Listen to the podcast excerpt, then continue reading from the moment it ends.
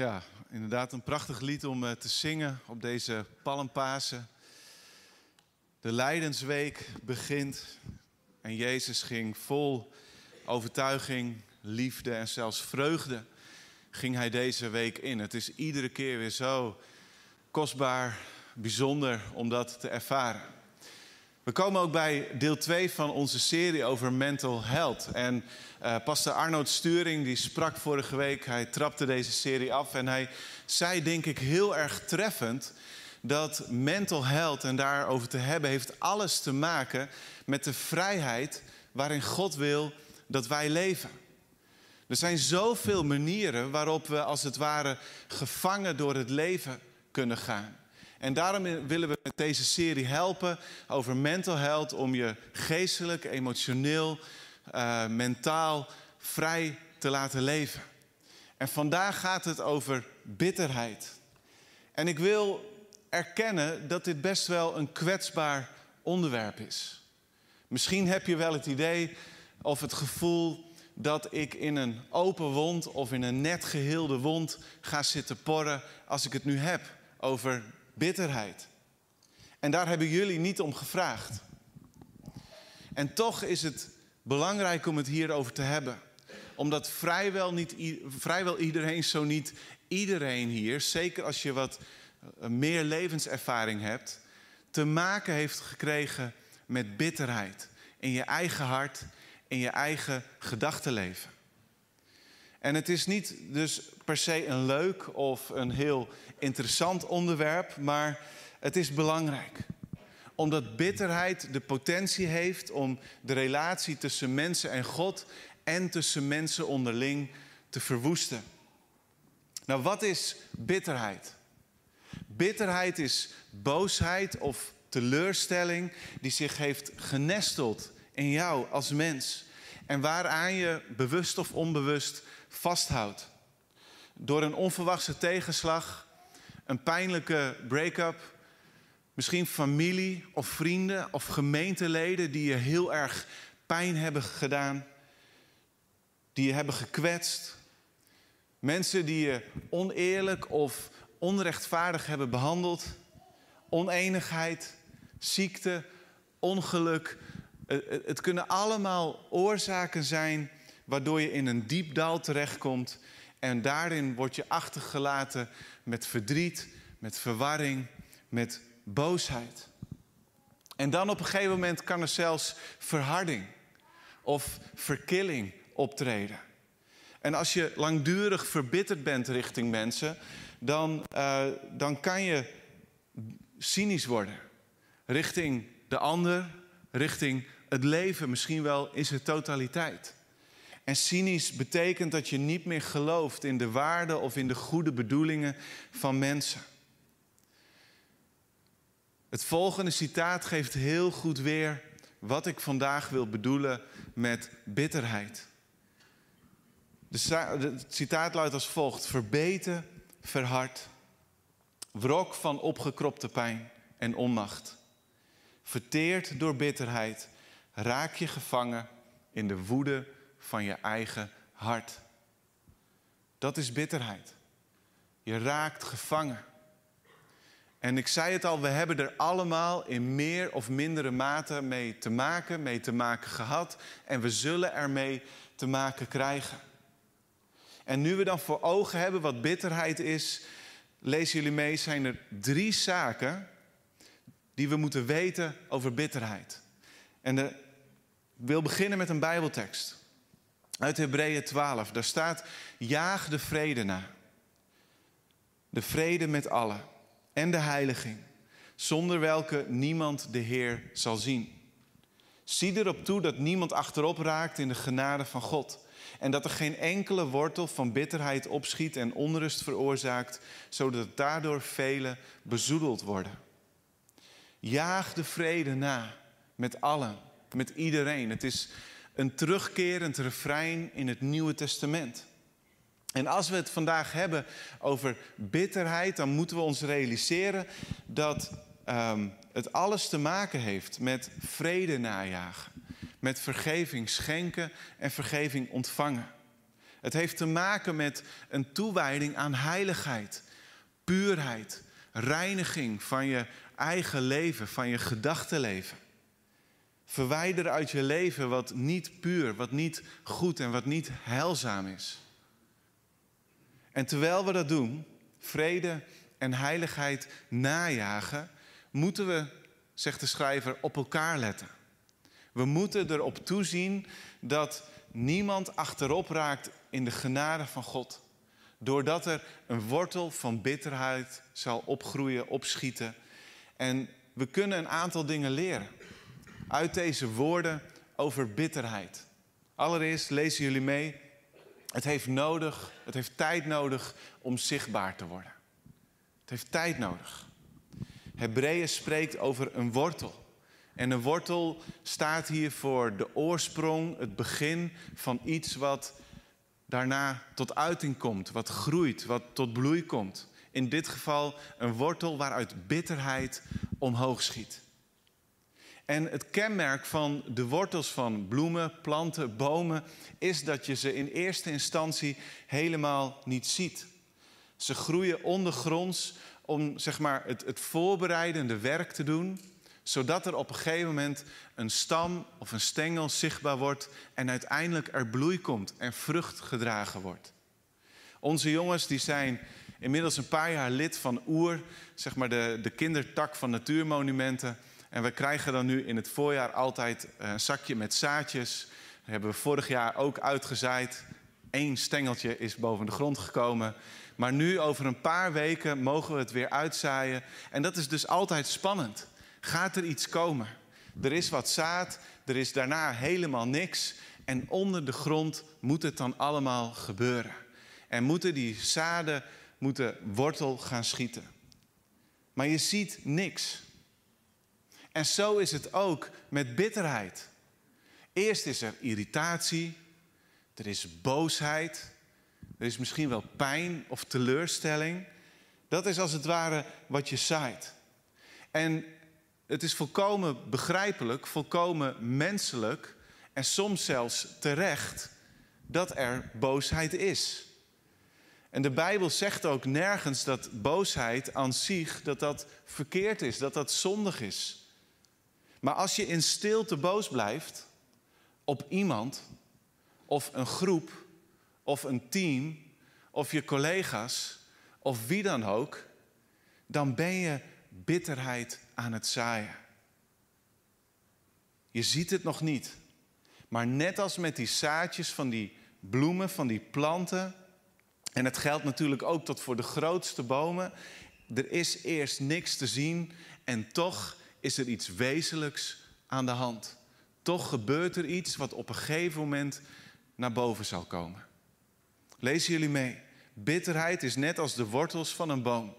Je ziet ze niet groeien totdat ze zo groot zijn dat ze een boom kunnen staande houden, een weg kunnen openbreken en vruchten voortbrengen. Ten tweede, Boosheid of wrok, bitterheid richt zich op anderen, maar raakt jezelf het meest. Het raakt jezelf het meest. We waren anderhalf week geleden waren we bij elkaar met de Plus Scouts. Dat is voor de oude scouts, de mensen die leiding zijn geweest. En één keer per maand kunnen we elkaar nog ontmoeten. En we gingen met elkaar bolen en daarna bij een vuurtje eh, een hamburgertje daarboven klaarmaken en zo. En het is altijd heel gezellig en leuk. We hebben goede gesprekken over het leven van nu. En er komt altijd een moment tijdens zo dat we samen zijn dat de verhalen van vroeger naar boven komen. Dat we het ene naar het andere stoere verhaal naar boven halen van ik heb dit meegemaakt en onze jongens deden dit terwijl wij leiding waren. En man, ik ben helemaal nat geregend en eh, dagen dit. En, nou, je, je kan je er iets bij voorstellen. En het zijn prachtige verhalen en de een overtreft de ander. En het ene verhaal is 35 jaar oud en het andere is nog maar 5 jaar oud en alles daartussenin. En uh, er zijn ook een paar verhalen die komen eigenlijk ieder jaar minimaal één keer terug. Maar wat als je nou de plus-scouts vervangt door jezelf? En wat als je nou die verhalen van vroeger vervangt door, daar was ik boos over. Dit heeft mij teleurgesteld. Hier heb ik pijn van. Dan heb je een beeld van hoe bitterheid groeit. Ik weet niet of jullie dit herkennen, maar ik voer soms hele gesprekken in mezelf met iemand op wie ik boos ben. Dus um, ik, ik, ik doe dat in mijn eigen hoofd. En daardoor zijn er in mijn leven ook soms wortels van bitterheid gegroeid die mijzelf hebben pijn gedaan. En op jongere leeftijd dacht ik, dat zal mij niet gebeuren. Ik ben lief, ik ben aardig, ik ben vergevingsgezind. En het is wel gebeurd. En het is iedere keer weer een wortel die ik eruit moet halen. En ik heb inmiddels wel geleerd dat die gesprekken in mijzelf, met mijzelf, dat ze een waarschuwing zijn. Een moment waarop ik moet zeggen, Jelmer, er is iets wat je met iemand anders moet gaan bespreken. Want anders woekert het voort. En als ik er niks mee doe, dan heb ik alleen mijzelf te pakken. Ik slaap niet. Ik voel me ellendig. Ik voel me negatief worden. En ik ervaar stress. En dat komt allemaal mijn mentale gezondheid niet ten goede. En ook lichamelijk heeft de negativiteit van bitterheid heeft impact. Uit onderzoek blijkt dat het stresshormoon cortisol sterk toeneemt. Waardoor uh, een, je immuunsysteem verzwakt. En dat gebeurt allemaal in en met jou, terwijl de situatie of de persoon of de personen waarop die bitterheid gericht is, die hebben misschien helemaal niks door. Die slapen lekker. Die leven gewoon door. Hebreeën zegt, nogmaals, vers 15, zorg ervoor dat niemand zich de genade van God laat ontgaan. En dat betekent niet dat Gods genade tekort schiet, maar dat we zelf op zo'n moment niet in staat zijn om de genade te aanvaarden. Om het effect ervan in ons leven en richting anderen, om dat volledig te pakken, zeg maar.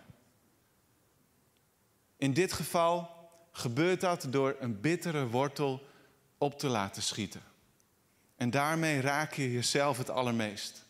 Zoals iemand ooit een keer zei, lezen jullie mee, bitterheid is alsof jij vergif drinkt in de hoop dat de ander eraan sterft.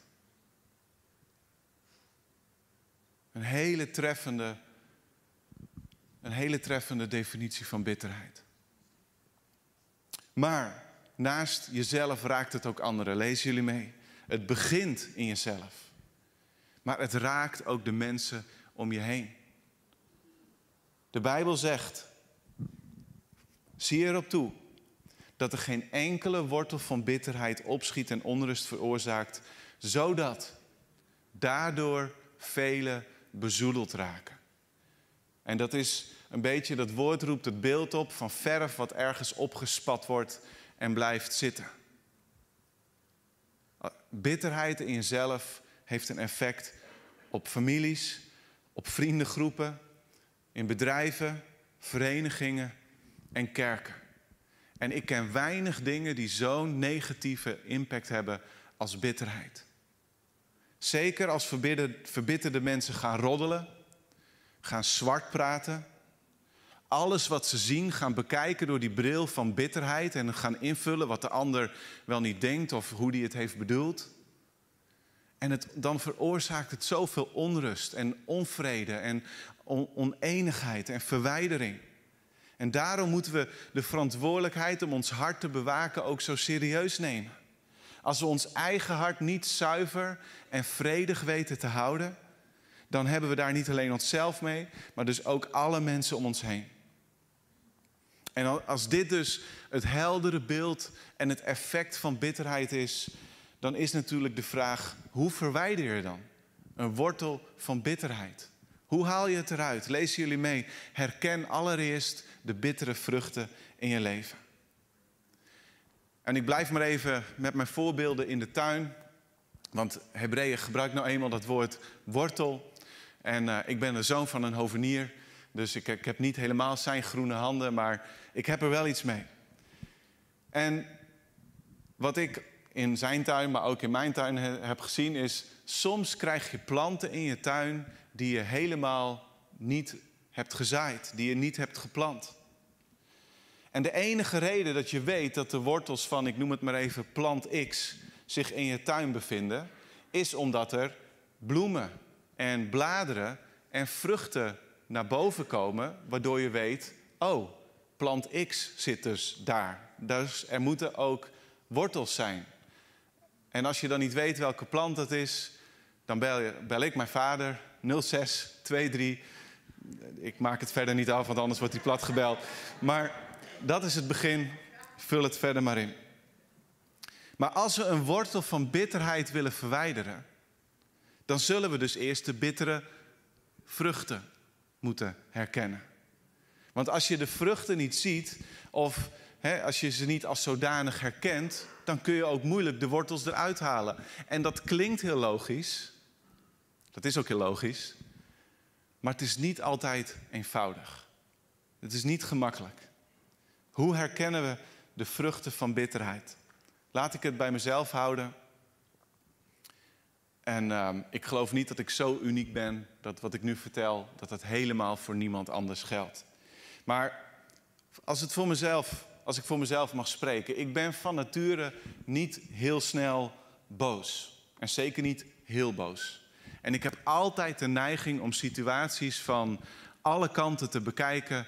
En daardoor kan ik vaak ook wel begrip hebben, denk ik, voor uh, verschillende partijen als het gaat om oneenigheid, een conflict. En dat is aan de ene kant een goede eigenschap en aan de andere kant soms ook heel erg vermoeiend. En de boosheid ligt dan niet zo snel aan de oppervlakte, want ik ben heel lang aan het analyseren en aan het redeneren. Maar na verloop van tijd kan ik mezelf wel overtuigen dat de boosheid die ontstaat, die aan het groeien is, dat die terecht is. Dat het passend is dat ik boos aan het worden ben. Dat ik een heilige verontwaardiging heb, om het zo mooi christelijk te zeggen. En dan kom ik erop uit wat hij of zij doet. Dat klopt echt niet. Ik heb mijn fouten gemaakt, maar uiteindelijk pakken zij het helemaal verkeerd aan. Laat hem of haar nu maar de gevolgen van, van zijn of haar daden zelf dragen. Laat ze het maar ondervinden. En je ziet, dat, je ziet het groeien in jezelf. En omdat ik dan ook nog denk in de termen van we hebben het hier over twee partijen. En ik heb zoveel begrip voor mijn eigen boosheid of pijn of teleurstelling of verdriet. Dan kan het zijn dat ik pas na maanden door heb dat ik langzaam aan het verbitteren ben. Richting mensen, richting situaties, richting omstandigheden. En dat ik al lang het stadium van terechte of begrijpelijke boosheid ben gepasseerd en bitter ben geworden. Nou, bitterheid begin je dan op een gegeven moment te herkennen aan verharding. Aan afstand nemen en verkilling in relaties. Aan beschuldigend van jezelf afwijzen altijd naar de ander. Aan gevoelens van haat en wrok zelfs. Aan een veroordelende houding. Aan cynisch worden over mensen of misschien breder over het leven. En omdat bitterheid zoveel schade veroorzaakt voor jezelf en anderen, zegt Paulus in Efesius 4: laat alle wrok, en er staat hetzelfde woord als voor bitterheid, laat alle bitterheid en drift en boosheid varen. Alle geschreeuw en gevloek en alle kwaadaardigheid. Laat varen, dat betekent ook zoveel als het moet verwijderd worden. Deze dingen moeten eruit getrokken worden bitterheid en daaraan verwante zaken. Eigenlijk is het bijna een, overtreffende trap, een groeiende trap, wat je in deze tekst ziet. Die mogen geen plek hebben bij mensen die elkaar lief hebben. Want in die context staat het. En Paulus spreekt hier in het bijzonder de kerk aan. Zowel Efeziërs als die eerste tekst uit Hebreeën, die grijpen terug op het Eerste Testament. In Leviticus 19, daar zegt Mozes al, of daar zegt eigenlijk God, u mag geen wraak nemen. U mag geen wrok koesteren tegen uw volksgenoten, maar u moet uw naaste lief hebben als uzelf. Als we elkaar echt willen liefhebben, moet alle wrok en bitterheid eruit. En ten tweede, hoe halen we die wortel eruit? We herkennen de vrucht en daarna graaf de wortel uit en verwijder alles. Zie af van wraak, schenk vergeving en ontvang genezing. Nadat we de vruchten hebben herkend, is het tijd om de wortel te verwijderen. En dat is helemaal niet zo gemakkelijk. Als je een tuin hebt, dan weet je, als je daar een keer iets uit moest halen, dat het best heel lastig kan zijn om een plant met wortel en al er volledig uit te halen, zodat er ook nooit meer iets daarvan terug kan groeien. En als je soms bij sommige planten, en zeker bij onkruid, je hoeft maar één stukje wortel te laten zitten, of het komt opnieuw naar boven. En zo is het ook met de wortel van bitterheid. Als je die niet volledig verwijdert, en het gaat niet gemakkelijk, dan komt het weer terug. Dus je zult moeten afzien van wraak. Je zult vergeving moeten schenken. En je zult ook heel vaak genezing moeten ontvangen. En soms is dat een cyclus van vergeving, genezing, genezing, vergeving. Ik, ik denk heel bewust en ik noem ook heel bewust die beide woorden vergeving en genezing. Omdat heel vaak onze bitterheid te maken heeft, niet zozeer omdat ik een heel boos persoon ben, maar omdat het voortkomt uit pijn, verdriet, iets wat mensen jou hebben aangedaan. En daardoor kunnen we niet zomaar zeggen dat alle bitterheid weg is met slechts alleen vergeving. Er is ook heel vaak genezing nodig. En daar wil ik niet aan voorbij gaan. Wat dat betreft zat ik zelf te denken. Kan die tekst waar ik mee begon, Hebreeën 12, vers 14, jaag de vrede na met allen, die kan best wel een beetje tegen de borst stuiten. Misschien hoor je die tekst wel en denk je Jelmer of denk je zelfs Bijbel, hoe durf je dat te zeggen? Want jij weet niet wat mensen mij hebben aangedaan. Jij weet niet wat mij is overkomen. Dat is zo verschrikkelijk, zo erg. Als je eens wist, dan zou je niet zeggen: jaag de vrede na met allen. Nou, we moeten heel goed lezen en heel goed begrijpen wat hier precies staat. En dat lukt misschien beter als we de volgende woorden van Paulus in Romeinen 12 lezen. Vanaf vers 17 zegt hij: Vergeld geen kwaad met kwaad, maar probeer voor alle mensen het goede te doen. Stel, voor zover het in uw macht ligt, alles in het werk om met alle mensen in vrede te leven. Neem geen wraak, geliefde broeders en zusters, maar laat God uw wreker zijn. Want er staat geschreven dat de Heer zegt: Het is aan mij om wraak te nemen. Ik zal vergelden. Dus jaag de vrede na wordt duidelijker als we deze woorden erbij pakken. Stel voor zover het in uw macht ligt, alles in het werk. Je hebt geen controle over wat andere mensen jou aandoen of wat het leven op jouw pad brengt. Maar je hebt altijd controle hoe je daar zelf op reageert. Je hebt controle over jouw reactie. Voor zover het in jouw macht ligt, zegt Paulus. Wij moeten er alles aan doen om met onze geliefden, met onze familie, met onze vrienden, met onze collega's en buren en wie dan ook in vrede en harmonie te leven. En we zullen moeten leren dat het dus niet aan ons is om wraak te nemen. Dat is alleen aan God en laat het duidelijk zijn. Wraak is bij God niet dat iets wat gebeurt in, in, in de hitte van het moment, in de heat of the moment. Het is geen emotie bij God van nou, nu ontplof ik. Maar wraak betekent bij God een terechte, passende veroordeling. Over dat wat onrecht is, wat kwaad is, wat verwoestend is geweest, wat zonde is geweest. Dat is zijn wraak. Dus streef naar vrede, neem geen wraak, En dat is nog steeds geen garantie dat altijd alles goed komt. Dat iedere relatie wordt hersteld. Maar het gaat erom wat jij eraan doet. Nou, laat me nog wat extra motivatie geven om vrede na te streven. Door ook het cadeau van vergeving te schenken. In een passage waarin Paulus de gemeente oproept om uh, iemand weer in de kerk te aanvaarden, in liefde weer aan te nemen, om die persoon te vergeven, zegt hij het volgende. We moeten er namelijk voor oppassen dat Satan ons niet gebruikt. Zijn plannen kennen we maar al te goed. Nou, dan komt ineens de Satan om de hoek kijken. En we geloven in het bestaan van een zichtbare wereld, maar ook een zichtbare, een onzichtbare wereld. En dat die onzichtbare wereld impact heeft op de zichtbare wereld. Er wordt een gevecht gevoerd tussen God en zijn engelen en de Satan en zijn demonen. En dat betekent niet dat achter iedere slechte daad of iedere slechte gebeurtenis een demon zit.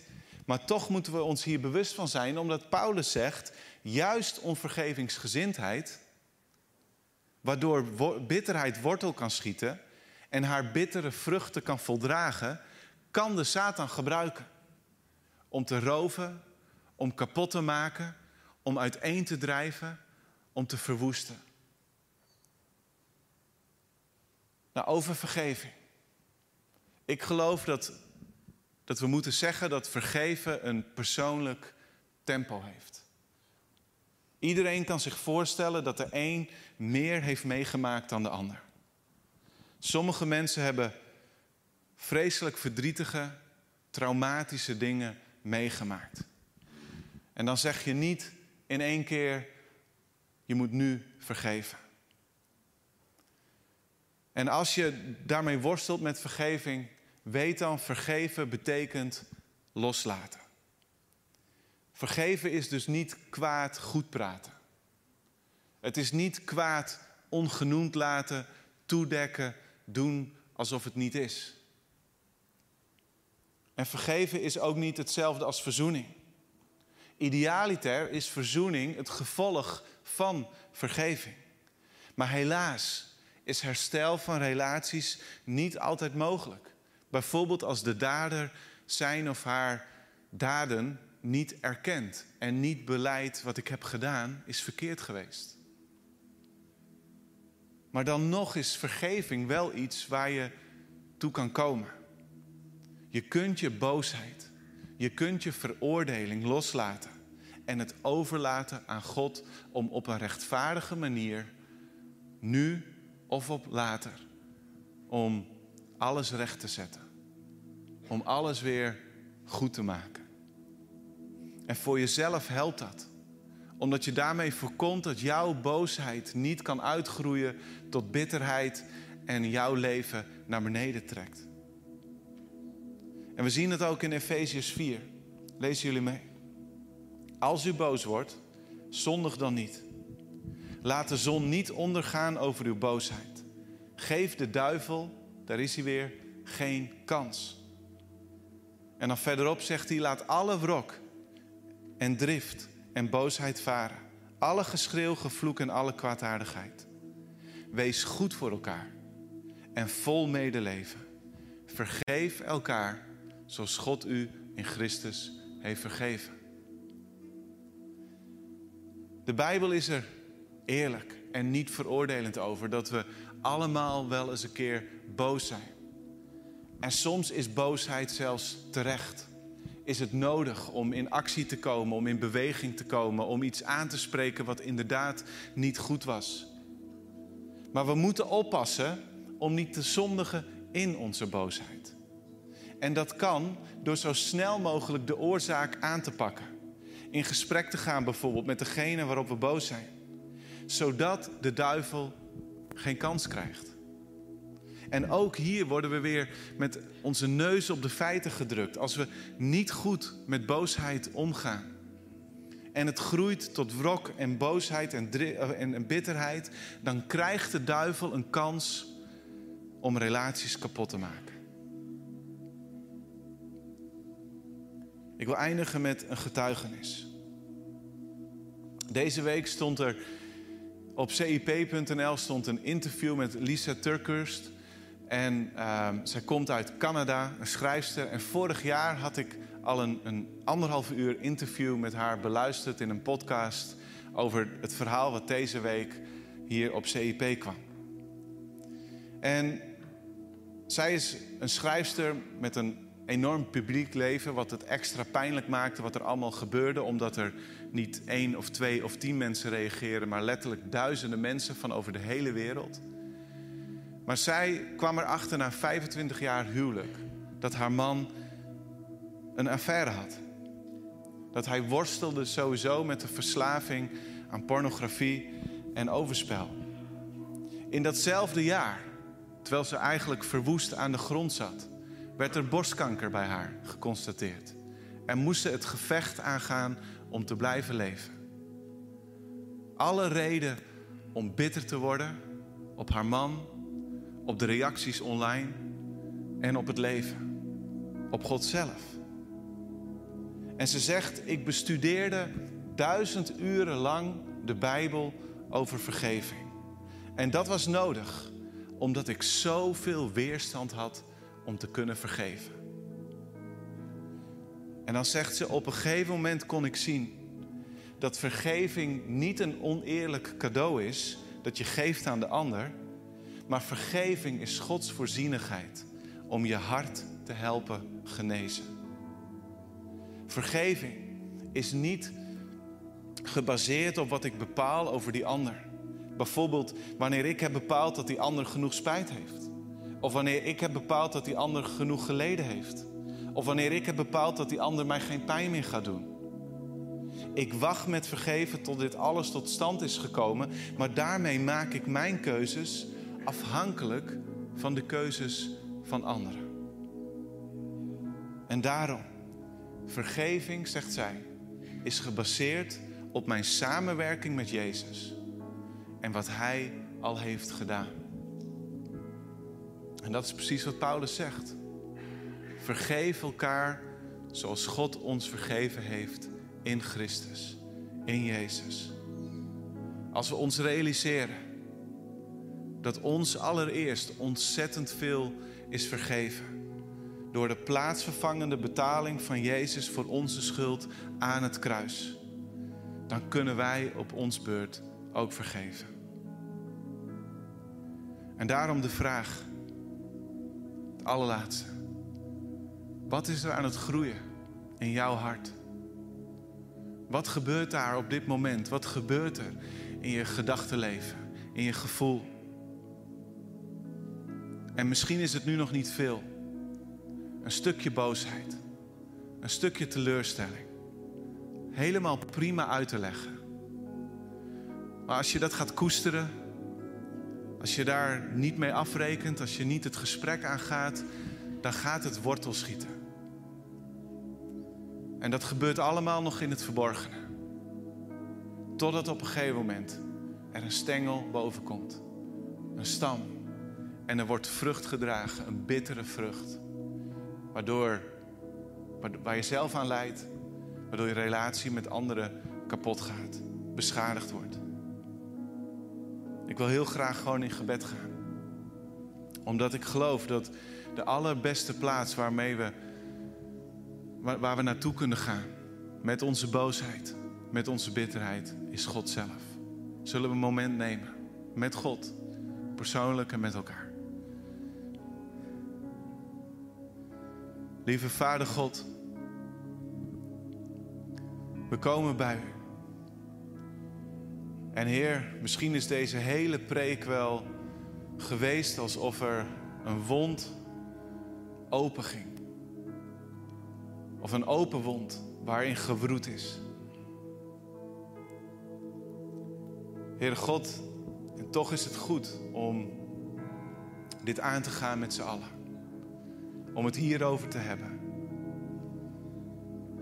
Heer, omdat u graag wilt dat we mentaal, emotioneel, geestelijk in vrijheid gaan leven.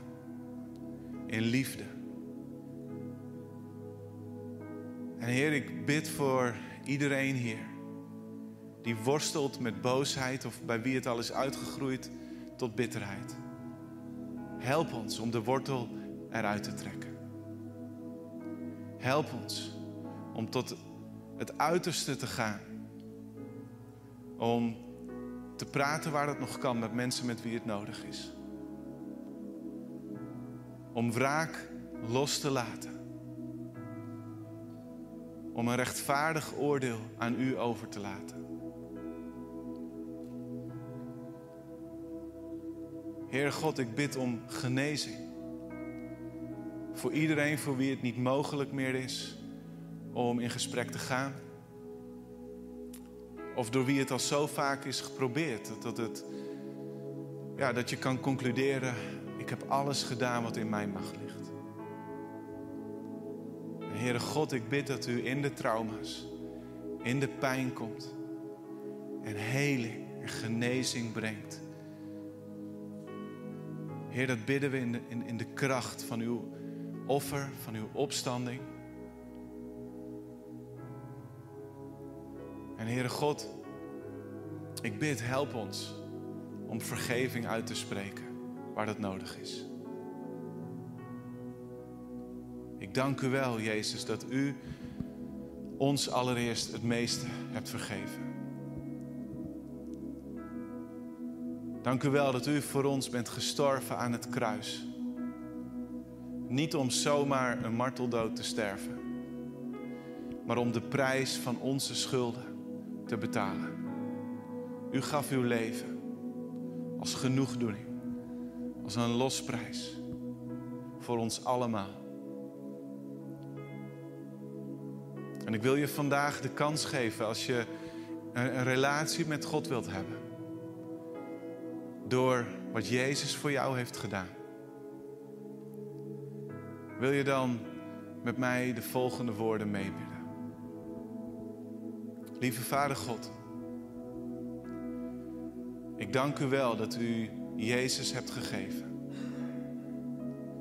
En ik dank u, Jezus, dat u voor mij bent gestorven. Dat u bent opgestaan. En dat u mijn redder wilt zijn. U wilt mij in de vrijheid zetten. En u wilt mijn identiteit herstellen. U wilt bitterheid wegnemen. En daar prijzen we u voor. We willen in aanbidding nu naar u toe gaan. We willen ons uitstrekken naar u. We willen aanvaarden wat u hebt gegeven, Heer. We willen die genade, Heer, daar willen we niet aan voorbij gaan. Daar willen we niet dat het tekort schiet, maar we willen het aannemen en doorgeven. Heer, en ik bid wat we ook vandaag nodig hebben. Dat uw genade ons vernieuwt en herstelt. Als we nu in aanbidding naar u toe gaan. In Jezus' naam. Amen. Zullen we gaan staan? We gaan zingen. We gaan Jezus aanbidden.